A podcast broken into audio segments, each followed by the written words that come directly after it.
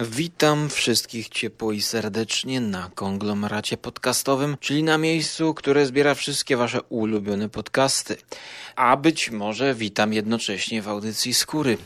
W audycji poświęconej nowemu filmowi science fiction, a dokładnie cyberpunk, czyli Upgrade 2018 rok.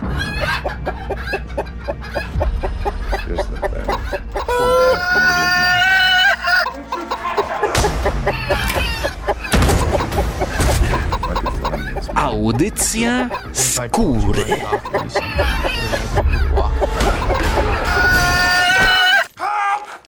Jest to dzieło wyreżyserowane przez Lee Wonella, który debiutował trzecią częścią Insidious, czyli Chapter 3 z 2015 roku.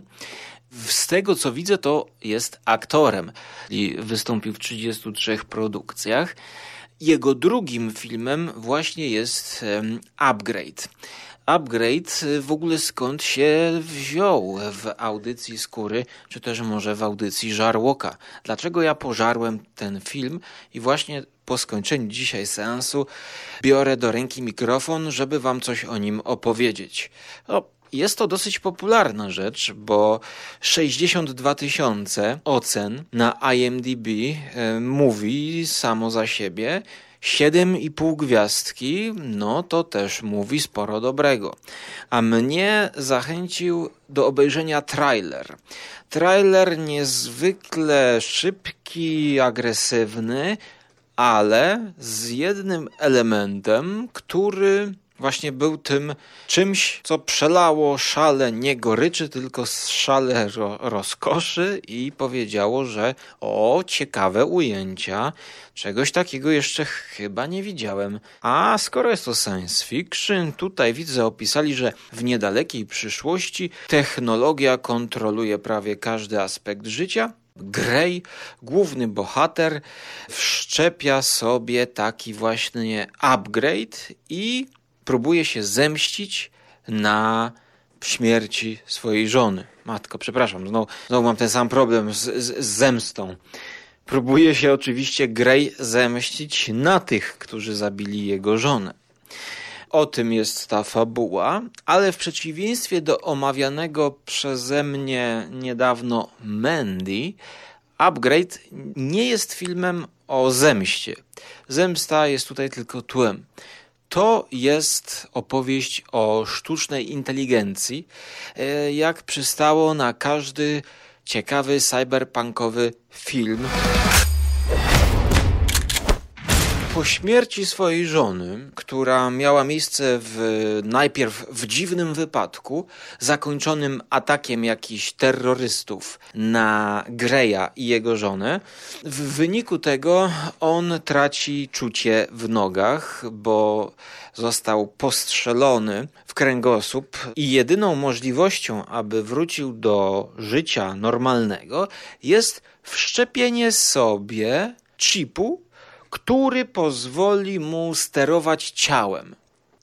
Bez żadnych problemów. I kiedy on decyduje się na ten krok, okazuje się, że ten naukowiec w białym kitlu, no, nie powiedział mu jednego malutkiego szczegółu, mianowicie, że Gray w swojej głowie będzie słyszał obcy głos. Obcy głos Stema, czyli komputera, systemu operacyjnego, który steruje całym tym chipem. I need your permission to operate independently. Permission granted!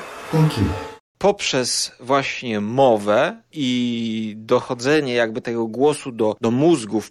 W ten sposób jakby dostrajamy, tak? Jakbyśmy operowali Windowsa, wypowiadając słowa na przykład e, mój komputer, kosz, wyczyść, tak, reset, reset. Więc podobnie jest tutaj.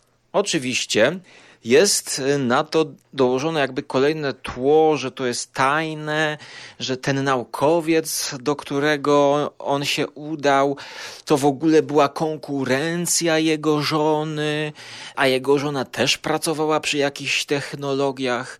W ogóle bardzo dużo tutaj technologii.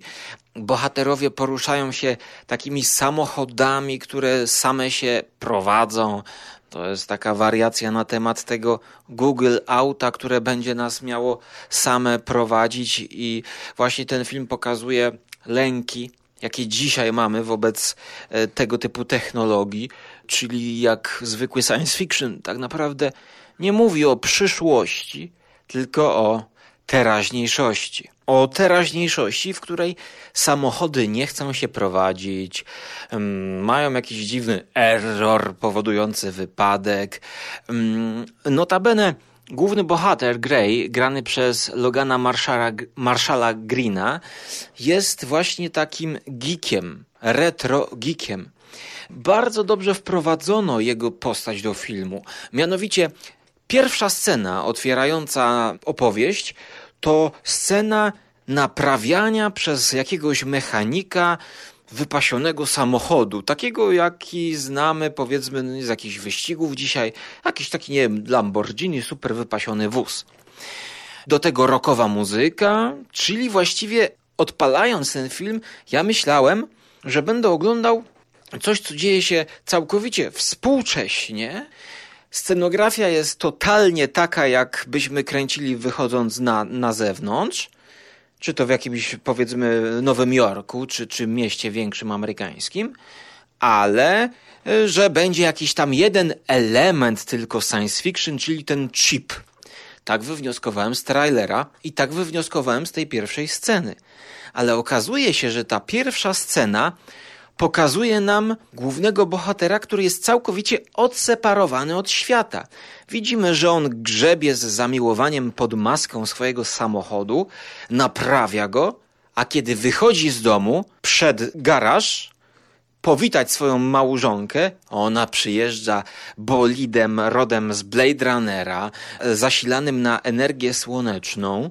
Cały dom jest mm, osprzętowany. Porozumiewa się to głosem, tam, prawda? Na przykład żona wchodzi, a dom mówi do tej kobitki, witam cię w domu, tam nie mamy już jajek. A ona odpowiada, okej, okay, to weź zamów jajka. No tak jakby, nie wiem, nie mogli wcześniej ustawić takiego programu, że jak będzie jajek brakowało, to automatycznie on będzie zamawiał te jajka. No... No, muszą pokazać, że ten dom jest full automatic i że jesteśmy w przyszłości, ale oprócz tego właśnie, e, bo dopiero co mieliśmy kontrast warsztatu i retro samochodów z tą nowoczesnością. Pomimo, że to nie jest, nie wygląda jakby to Spielberg reżyserował, to zaskakująco właśnie dużo tutaj jest takiego sztafarzu science fiction. Widać, że to się dzieje w przyszłości. I jest to jakaś wizja. I jest to wizja nieprzychylna dla małżonki Greya, gdyż skoro kobieta pracuje w jakiejś organizacji czy firmie specjalizującej się w technologiach, to ona pewnie jest zamieszana w coś i to ona ginie, a nasz miłośnik starych rupieci, w ogóle niechętny tej całej technologii, musi jakby w jakiś sposób, może nie tyle co pogodzić się z technologią i wszczepić sobie chip, żeby w ogóle funkcjonować, będąc takim eksperymentalnym pacjentem, bo nie wiadomo jak to się będzie spisywać, ale robi wszystko, żeby dojść kto i po co, dlaczego zabił jego małżonkę. As a quadriplegic, must be frustrating for you, someone who like to get things done with their hands.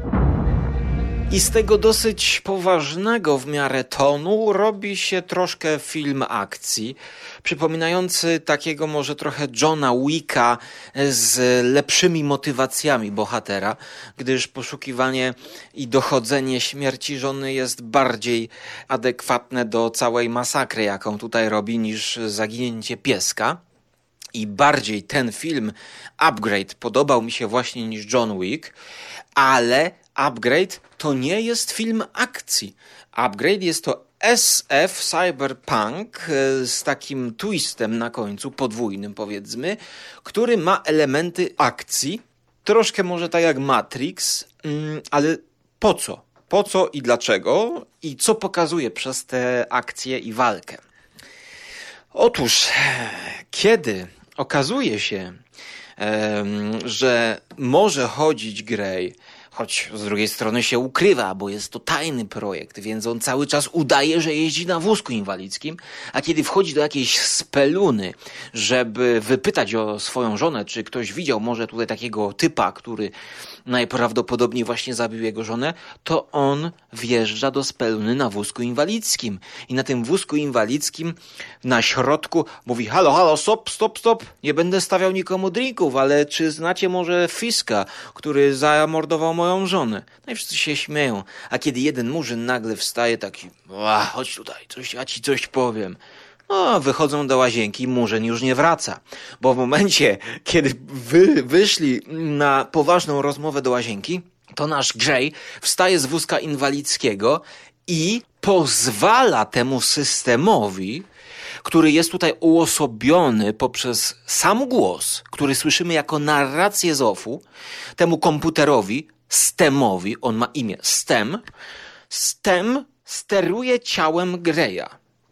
I STEM jakby za pozwoleniem oczywiście Greya, tak jakbyśmy Windowsowi dali pozwolenie, tak? Windows, rób sam co tutaj chcesz. Can anybody else hear you? No, only you. May I point something out? In the drone surveillance footage, Sir Brantner, Marine Corps, address 414 Citrus, Newgrounds. We'll need a plan. I got this. This doesn't seem like a well thought out plan. Grey mówi, tak, dobra, oddaję ci moje ciało. I STEM kierując ciałem, bo ma pełną kontrolę poprzez ten chip wszczepiony do kręgosłupa nad ciałem naszego bohatera, sterując z nim potrafi no, walczyć jak super doświadczony ninja. Potrafi zrobić rzeczy, które on wcześniej nie potrafił, Grey. E, więc trochę jest tutaj jakbym element z Matrixu, gdzie my sobie wszczepiamy do głowy umiejętności prowadzenia helikoptera, ale jednak jest to coś zupełnie innego, gdyż Upgrade jest to film o sztucznej inteligencji, bo przecież ten system operacyjny właśnie, który powoli zaczyna przejmować kontrolę nad głównym bohaterem, to jest to właśnie sztuczna inteligencja. I właśnie o tym jest ten film. Można powiedzieć, to jest taki najazd, taka inwazja, nie no, inwazja porywaczy, tak, trochę, to jest inwazja porywaczy ciał trochę e, w świecie science fiction. Może nie na taką skalę, bo widzimy tutaj inwazję porywaczy jednego ciała, czyli Greya, ale jest coś na rzeczy. A jeśli miałbym ubrać wszystko e, w jedno dobre skojarzenie, to ten film wygląda jak ekranizacja jakiegoś nienapisanego, a właściwie niewydanego opowiadania Filipa K. Dicka. Here's the thing. Four guys murdered my wife. If I could find those men, I'd do it. What if I told you I could offer you something that would enable you to walk again? I call it STEM, a computer chip that has the potential to change everything. It's a new, better brain. I am STEM. The system operating your body for you. I chyba dlatego zabrałem się do nagrania tej audycji, gdyż dawno nie oglądałem właśnie takiego prostego filmu SF Cyberpunk, które mógłbym ze szczerym sumieniem polecić miłośnikowi e, Filipa K. Dicka i jego opowiadań pomimo, że jest to napisane przez e, tego samego reżysera, który wyreżyserował film, czyli jest director i writer, to jest Lee Wonnell, więc e, tutaj gratuluję, mm, bo rzeczywiście ten film można by skrócić na przykład do formy godzinnego odcinka Black Mirror. Ten film przypomniał mi na przykład ekranizację e, Złotousty czy Złotoskóry Człowiek z Nicolasem Cage'em. Ekranizację opowiadania właśnie Dicka, e, bądź też ekranizację Impostor z Garym Sainis.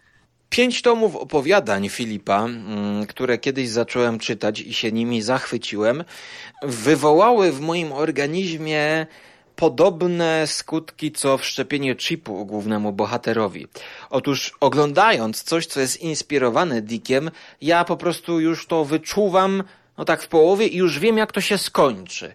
Ale to nie chodzi o to, żebym nie wiedział, jak to się skończy, bo to się kończy logicznie, zgodnie z fizyką, z techniką prozy Filipa K. Dicka. Weźcie sobie dowolne opowiadanie e, z drugiego albo trzeciego tomu Dicka, które ma twist, właściwie podwójny twist, który ma bohatera wplątanego w jakąś intrygę, której nie potrafi rozwikłać, która to intryga na początku wydaje się być czymś, czymś zwyczajnym, a ona ma podwójne dno. E, I właśnie taką przyjemność dał mi film Upgrade w swojej narracji, która, którą obserwujemy trochę z perspektywy tej sztucznej inteligencji. Ten głos jest taki bez emocji, troszkę jak w filmie Her, gdzie Scarlett Johansson była systemem operacyjnym, tylko tam była kobieta i tam była miłość do systemu operacyjnego. A tutaj mamy zupełne przeciwieństwo, bo kiedy STEM, niczym HAL w Odysei Kosmicznej Kabryka, zaczyna przejmować kierownictwo nad ciałem Greya, to robi się coraz bardziej niebezpiecznie. I właśnie w tym momencie reżyser i scenarzysta w jednej osobie, niczym Grey, człowiek i sztuczna inteligencja w jednej osobie. Klasyczny cyberpunk. Mamy do czynienia z moralnymi dylematami. Bo widzimy przecież, że Grey morduje rzezimieszków stających mu na drodze do rozwikłania zagadki śmierci jego żony. Ale on wzbrania się przed tym. On nie chce, żeby ten stem przejmował kontrolę nad jego ciałem. On mówi: Nie rób tego, nie rób tego. I my rzeczywiście widzimy, że to nie główny bohater, to nie główny bohater morduje. I my widzimy w jakimś sensie dramat tego głównego bohatera, który jest już połączony w jedno ciało ze sztuczną inteligencją i nie ma odwrotu, bo na swojej drodze popełnił kilka błędów, e, które doprowadziły do tego, że sztuczna inteligencja przejmuje kontrolę nad jego ciałem. A w jaki sposób to pokazano? Że my czujemy i widzimy, że to komputer morduje w ciele tego człowieka, a nie człowiek. W bardzo ciekawy sposób. Nie mamy tutaj efektów specjalnych rodem z Terminatora, gdzie tam Schwarzeneggerowi połowę twarzy tam zdarło i widzimy, że to jest robot. No to jest taki pół robot, pół, człowiek. Nie. To jest po prostu człowiek, który ma wszczepiony chip. I to jest po prostu science fiction wystarczy nam tyle ale na warstwie narracji filmowej, a właściwie ruchu kamerą, pokazano, że morduje komputer. W jaki sposób? Dajcie mi napić się kawy, a właściwie sztucznej kawy. Dokładnie tak. Bo jeżeli jesteśmy w świecie science fiction, to nie będziemy pić kawy prawdziwej, tylko kawę zbożową. Mhm. Mleko też jest nie do końca takie prawdziwe, bo UHT, a przecież prawdziwy smakosz takiego mleka by nie określił w ogóle mlekiem. No już nie mówiąc o żarłoku. No ale warunki są jakie są. Swoją drogą, jak już jesteśmy przy kawie Ince, to akurat mam tutaj coś takiego, co się nazywa kawa zbożowa Anatol mocna. 35 torebek, więc jest dikowsko, bo jest to taka podruba kawy. Tak jak u Dika, który zadaje pytania o, o podróbę człowieka, o to gdzie i kiedy zaczyna się człowiek i jakie są granice człowieczeństwa. No i tutaj te pytania też mamy, choć odpowiadamy sobie na nie jednoznacznie, bo wiemy, że to jest robot czy komputer w ciele człowieka. I widzimy, że człowiek się sprzeciwia temu wszystkiemu. To finish the job we started. You didn't know that I'm a ninja. While I am state of the art, I am not a ninja. No a jak to pokazano, że komputer morduje? Otóż ucieknięto, o brawo, brawo, skóra, brawo, jak ty potrafisz zgubić słowo, to jest po prostu szapoba. Ucieknięto się, bądźmy konsekwentni w tej, w tej zgubie ucieknięto się tutaj do techniki zwanej Snorri Cam. Pierwszy raz, kiedy ja zauważyłem to w filmie, to był teledysk. Teledysk Mika Jaggera, wokalisty Rolling Stones. Goddess in the Doorway. Z solowej jego płyty. Po prostu Jagger wchodzi na imprezę, a kamera, bo na tym polega Snorikam, kamera jest przywiązana na sztywno wręcz do ciała aktora widzimy albo aktora od przodu, albo od tyłu, albo z boku, w zależności gdzie uprząż przyciśniemy i złudzenie jest takie, że ciało bohatera jest w jednym miejscu, a przesuwa się tylko samo tło. I tę technikę wykorzystano w tym filmie chyba we wszystkich możliwych kątach, możliwościach, odległościach, jakie istnieją. A w dodatku zrobiono coś, czego wcześniej w tej technice nie widziałem, czyli jakby troszkę złamano zasadę. Bo zasada tego snorikam jest taka, że ciało jest nieruchome całkowicie. Przesuwa się same tło. Natomiast tutaj zrobiono coś genialnego, co widać już w trailerze i właśnie to było tym elementem, że mówię, wow, ja chcę obejrzeć ten film zrobiono opóźnienie w czasie. I dodano do tego opóźnienia w czasie dźwięki, jakieś takie robotyczne, rodem z filmu science fiction właśnie, takie jakby się jakiś komputer zbierał, obliczał, coś robił. I w momencie, kiedy my widzimy to snorikam, które jest nie tylko przypięte do głównego bohatera, ale jest taka zabawa tym snorikamem, że jest na przykład kamera oddalona z boku 3 metry i widzimy jak facet wstaje z podłogi za pomocą tej, tej siły mięśni sterowanej już e, przez komputer. No niemożliwy do człowieka wykonania taki manewr, żeby, żeby tak na sztywno z pozycji leżącej wstać do pozycji pionowej, czyli taki jakby 90 stopni ciało sztywne w linii, samo ciało jakby wstaje z poziomu wstaje do pionu. I ta kamera idzie troszkę jakby szybciej niż ciało. Ale wszystko jest bardzo energetycznie zrobione mamy tylko takie wrażenie, że coś tu nie gra dokładnie z tą kamerą, nie? I to nie gra, że w tym momencie właśnie komputer przejmuje kontrolę nad ciałem głównego bohatera. I my w głowie tutaj odbiorcy, w głowie widza widzimy, że przyspieszamy. Tak jakbyśmy już wyprzedzali myśli głównego bohatera. Widzimy niczym ten robot. Znamy jego zamiary. I jeżeli wyobrazicie sobie tę technikę w walce, to to się sprawdza y, znakomicie. I te sceny są może nie trzymające w napięciu, bo ten film nie jest thrillerem dobrym, tylko takim efekciarskim science fiction, to to się ogląda z otwartą gębą. You now have full control again, Gray.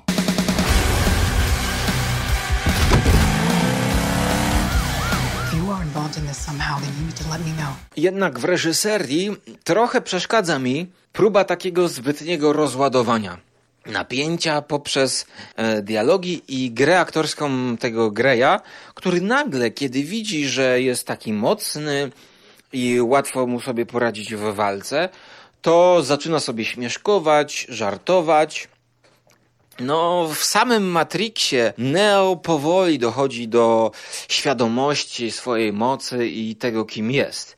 A tutaj ten główny bohater już, już jak widzi, że potrafi walczyć dzięki komputerowi, to po prostu już, haha, he, tutaj, ten, ten. I nawet uwagę zwraca mu ten komputer. Nie bądź taki pewny siebie.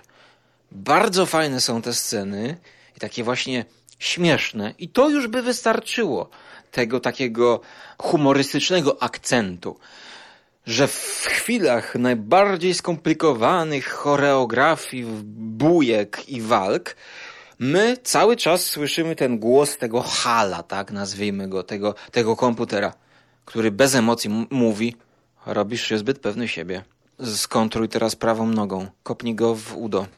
Lewa dolna pięść I on wydaje mu takie mm, komendy, jak gdyby nigdy nic się nie działo, a tutaj jest... I to już samo wprowadza taki właśnie fajny kontraścik. A kiedy my jeszcze widzimy, haha, komentarze głównego bohatera, haha, no i co teraz? I co teraz mi zrobisz, co? Jestem ninja. A wtedy komputer mu mówi mu, nie, nie jesteś ninja, to ja tobą steruję. No właśnie. I, I wystarczyło, trochę za dużo jest tego śmieszkowania i troszkę za szybko wchodzi ta pewność siebie. Wręcz ja tutaj momentami widziałem, że Keanu Reeves mógłby zagrać tę postać. Całościowo oceniam sens pozytywnie jako mocnego średniaka dla miłośników science fiction, cyberpunku, Filipa e, i dałbym mu ocenę 7 na 10. Może z lekkim minusiczkiem, ale myślę, że 7 na 10 to już tak obiektywizując jest w porządku i to jest film, który zupełnie nie boli podczas oglądania. Warto go obejrzeć, jeżeli szukacie jakiegoś takiego bardziej może, może nie innowacyjnego science fiction, ale takiego po prostu do, do, do, dobry film, nie? E, o wiele lepszy niż ten ostatni film Duncana Jonesa, Mute. Matka, jaka tamta była, to mama łyga, nie? To w ogóle nie ma porównania. Mute, po prostu flaki z olejem. E, tak więc, no, ja polecam, polecam zobaczyć, jeżeli będziecie mieli ochotę na troszkę takiego lżejszego science fiction. Mm, no, bo nie oszukujmy się, no to, to, to nie jest żaden Blade Runner ani nic takiego. Ale no, dawno nie było takiej ekranizacji y, opowiadania Filipa K. Dicka, które nie zostało wydane. Choć oczywiście tutaj tropy są i nawiązania e, można sobie odczytać w niektórych scenach, tu już nie będę zdradzał. E, a Was zapraszam do zjedzenia czegoś dobrego z żarłokiem na Żarłok TV. Co prawda produkcji science fiction jeszcze nie mieliśmy, ale to z powodu braku budżetu, choć pomysł już mam od czterech lat wymyślony u zarania kanału, mianowicie podróż na Marsa. I będzie to oczywiście podróż po batonik Mars, nakręcona na pustyni błędowskiej, gdzie statkiem kosmicznym będzie kosiarka na czterech kółkach jeżdżąca. Tak więc kosiarkę mam już załatwioną. Marsa też mogę kupić za parę złotych. To, to nie jest akurat wydatek, ale żeby to nakręcić to potrzeba będzie ekipy, no i jeszcze czasu na dopracowanie scenariusza, który na razie jest w formie teasera, drabinki. E, no i jakby no to taka zajawka, w sumie pierwszy raz to tutaj zdradzam, no ale gdzie jakby nie indziej, jak w audycji poświęconej science fiction. Może kiedyś razem z Żarłokiem wybierzemy się na podróż, żeby zeksplorować smak planety Mars. Tyle na dzisiaj ode mnie. Do usłyszenia w przyszłości, która mam nadzieję nie będzie tak zupgrade'owana jak w filmie Upgrade. Oby była ona zupgrade'owana jak w stałym punkcie programu Żarłok TV, czyli Food Upgrading. Tyle na dzisiaj ode mnie. Trzymajcie się ciepło i do zobaczenia bądź usłyszenia w przyszłości. Well, I was in the area, detective. There's a gun implanted inside his hand. Po napisach końcowych jeszcze troszkę teraz wspomnieniowych klimatów mam dla Was. Napisy końcowe w podcaście. Zawsze to uwielbiam, bo przypomniało mi się kiedyś, miałem taki plan ambitny, żeby po przeczytaniu każdego z opowiadań Dicka, z tych pięciu tomów, pamiętam jakieś, nie wiem, 20 lat temu, to miałem kupione, pięć tomów są, to żeby po każdym opowiadaniu spisywać na karteczce, tak, nie w komputerze, spisywać fabułę w jednym, dwóch zdaniu i ten plot twist, który Dick wymyślał. Czyli na przykład tam facet budzi się nie wiedząc kim jest i okazuje się, że obudził się w spiżarni głodny. Wymyślam to. No, ale podczas czytania tak mnie to wciągało, że nie chciało mi się tracić czasu i spisywać tego. Kiedy ja to czytałem, nawet pamiętam, bo pamiętam swoje stare, jeszcze starsze mieszkanie, czyli poprzednie, poprzednie, poprzednie mieszkanie, w którym nie miałem jeszcze internetu. Był komputer, słuchajcie, i nie miałem jeszcze internetu. I pamiętam pozycję nawet, w której czytałem tego Dicka, mając po lewej stronie biurko z komputerem, siedząc na fotelu takim e, chyba obkręcanym, a po prawej stronie miałem łóżko. Naprzeciwko widziałem róg z drzwiami, które były zamknięte, żeby mi nikt nie przeszkadzał i czasami mi tam rodzice wchodzili, a ja sobie siedziałem i czytałem tego Dicka i doszedłem chyba do trzy tomy przeczytałem, potem czwarty ciężko było kupić, piątego nie przeczytałem, ale w sumie z perspektywy czasu to mnie nie cieszy, bo ja zapomniałem już wiele opowiadań z pierwszego, drugiego i trzeciego tomu i teraz jakbym miał sobie odświeżać, to musiałbym łykać od początku zaś. Znaczy, musiałbym. Mogę zacząć od czwartego, na którym skończyłem i chyba w połowie czwa... O tak, chyba w połowie czwartego skończyłem. I, i iść dalej, bo opowiadania Dicka to jest ulubiona rzecz w SF, jaką ja mam czytając o tych wszystkich dwuwymiarowych tam dylematach, tych, tych y, twistach, tych, tych wszystkich mm, komputerach, no siedziałem jeszcze w świecie bez internetu właśnie i poznawałem technologię i wyobraźnię Dicka. Ona była trochę taka śmieszna, no nie będę teraz mówił o Dicku, ale tak mi się właśnie przypomniało, jak siedziałem i czytałem. I na każde opowiadanie Pamiętam, miałem wtedy pomysł na ekranizację. Czytając, ja już widziałem gotowy film, obsadzałem sobie, e, jakby to wyglądało, w jakim stylu bym to chciał widzieć zrealizowane. Teraz ostatnio mm, Dikowski serial powstał. Ja sobie to na pewno jeszcze obejrzę, tego, ten serial, gdzie są właśnie poszczególne opowiadania ekranizowane. Pamiętam, jak potem wszedł raport mniejszości, to mając wszystkie wydania, to ja jeszcze sobie, tak jak właśnie Spandowski, chciałem kupować te inne wydania i sobie kupowałem. Na przykład wyszło wydanie przy okazji filmu z Garym Sainis Impostor. Ja sobie kupiłem też dru drugie właśnie wydanie. Pamiętam, że Blade Runnera miałem w dwóch wersjach. Filipa K. Dicka wszystko kupowałem w każdym możliwym wydaniu. No, a było ich e, mniej niż Kinga, dlatego nawet no, bardzo mało wychodzi te, te, te, tego Dika. No szkoda, szkoda. Ale brakuje mi książki jednej Dika, powiem wam szczerze. Radio Wolne Abelmut. Jak dzisiaj sobie przypominam, dlaczego nie kupiłem wtedy tej książki, którą pamiętam premierę w księgarni, bo to wtedy takie były czasy.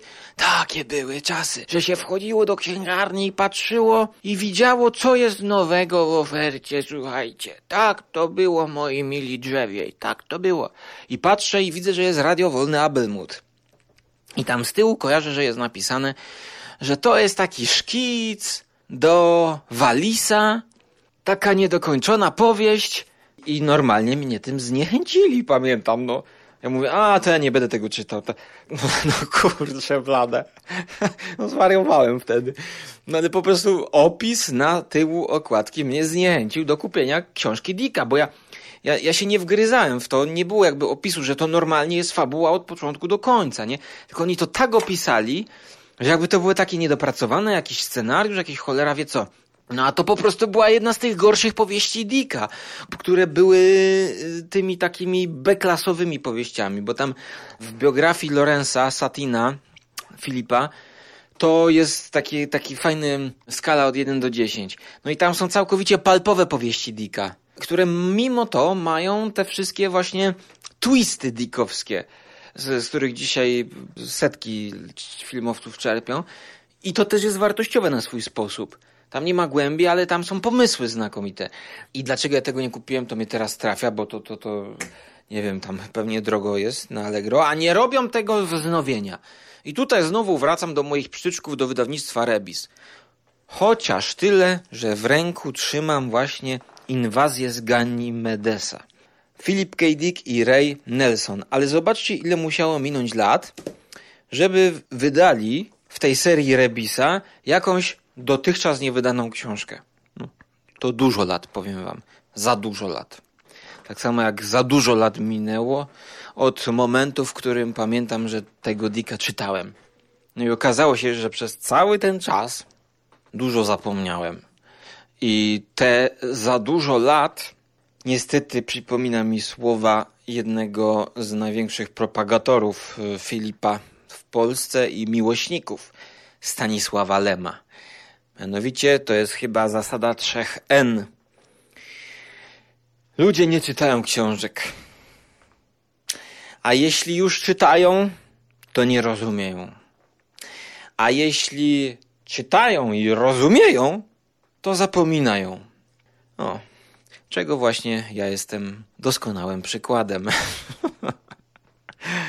No i może tym optymistycznym akcentem, jednak chciałbym, żeby to pesymistyczne tło też pozostało. Tak. Zakończymy.